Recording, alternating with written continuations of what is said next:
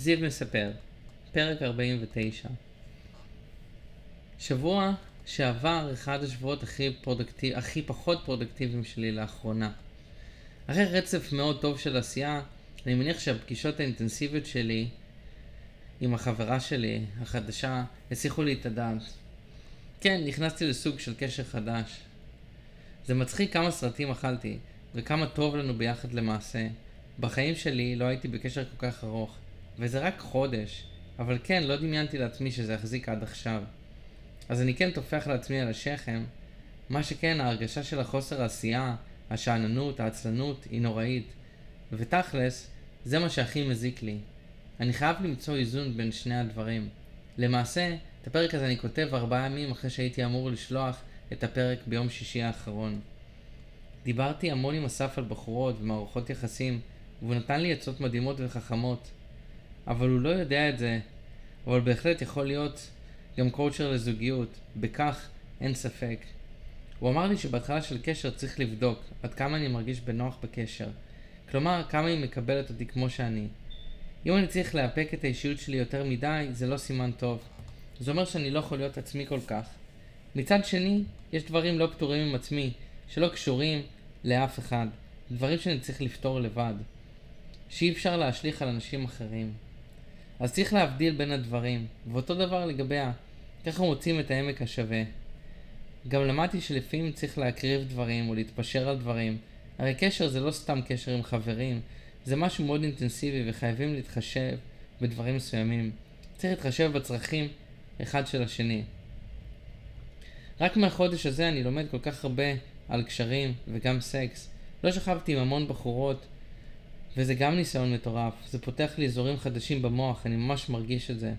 פתאום אני קולט כמה אכילת סרטים הזאת הייתה על גבול האנוכית. הרי היא אכלה סרטים דומים, אולי בגלל האישיות המוחצנת שלי, וזה שאני נחשף מהר, גרם לזה לראות כאילו אני היחיד, אבל פתאום קלטתי גם כמה היא מרגישה רגשי נחיתות וחוסר ביטחון בדיוק כמוני. בשיחה האחרונה שלנו, כשישבנו בגינה בבית שלה, מאוד נפתחנו, וקלטתי שלוקח לה זמן להיפתח ולהסתגל לקשר חדש. היא גם צריכה את הספייס שלה, ואני מאוד מכבד את זה.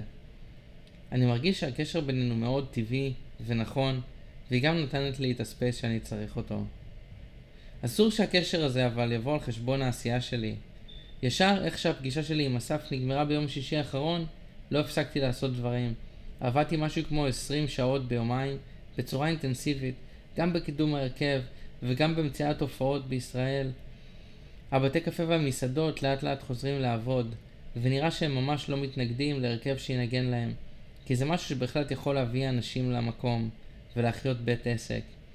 אתמול הסתובבתי עם הפסנתרן שלי משהו כמו חמש שעות במרכז העיר, ופנינו לכ-18 מקומות, והשגנו שמונה מספרים ואנשי קשר, שזה הישג מרשים.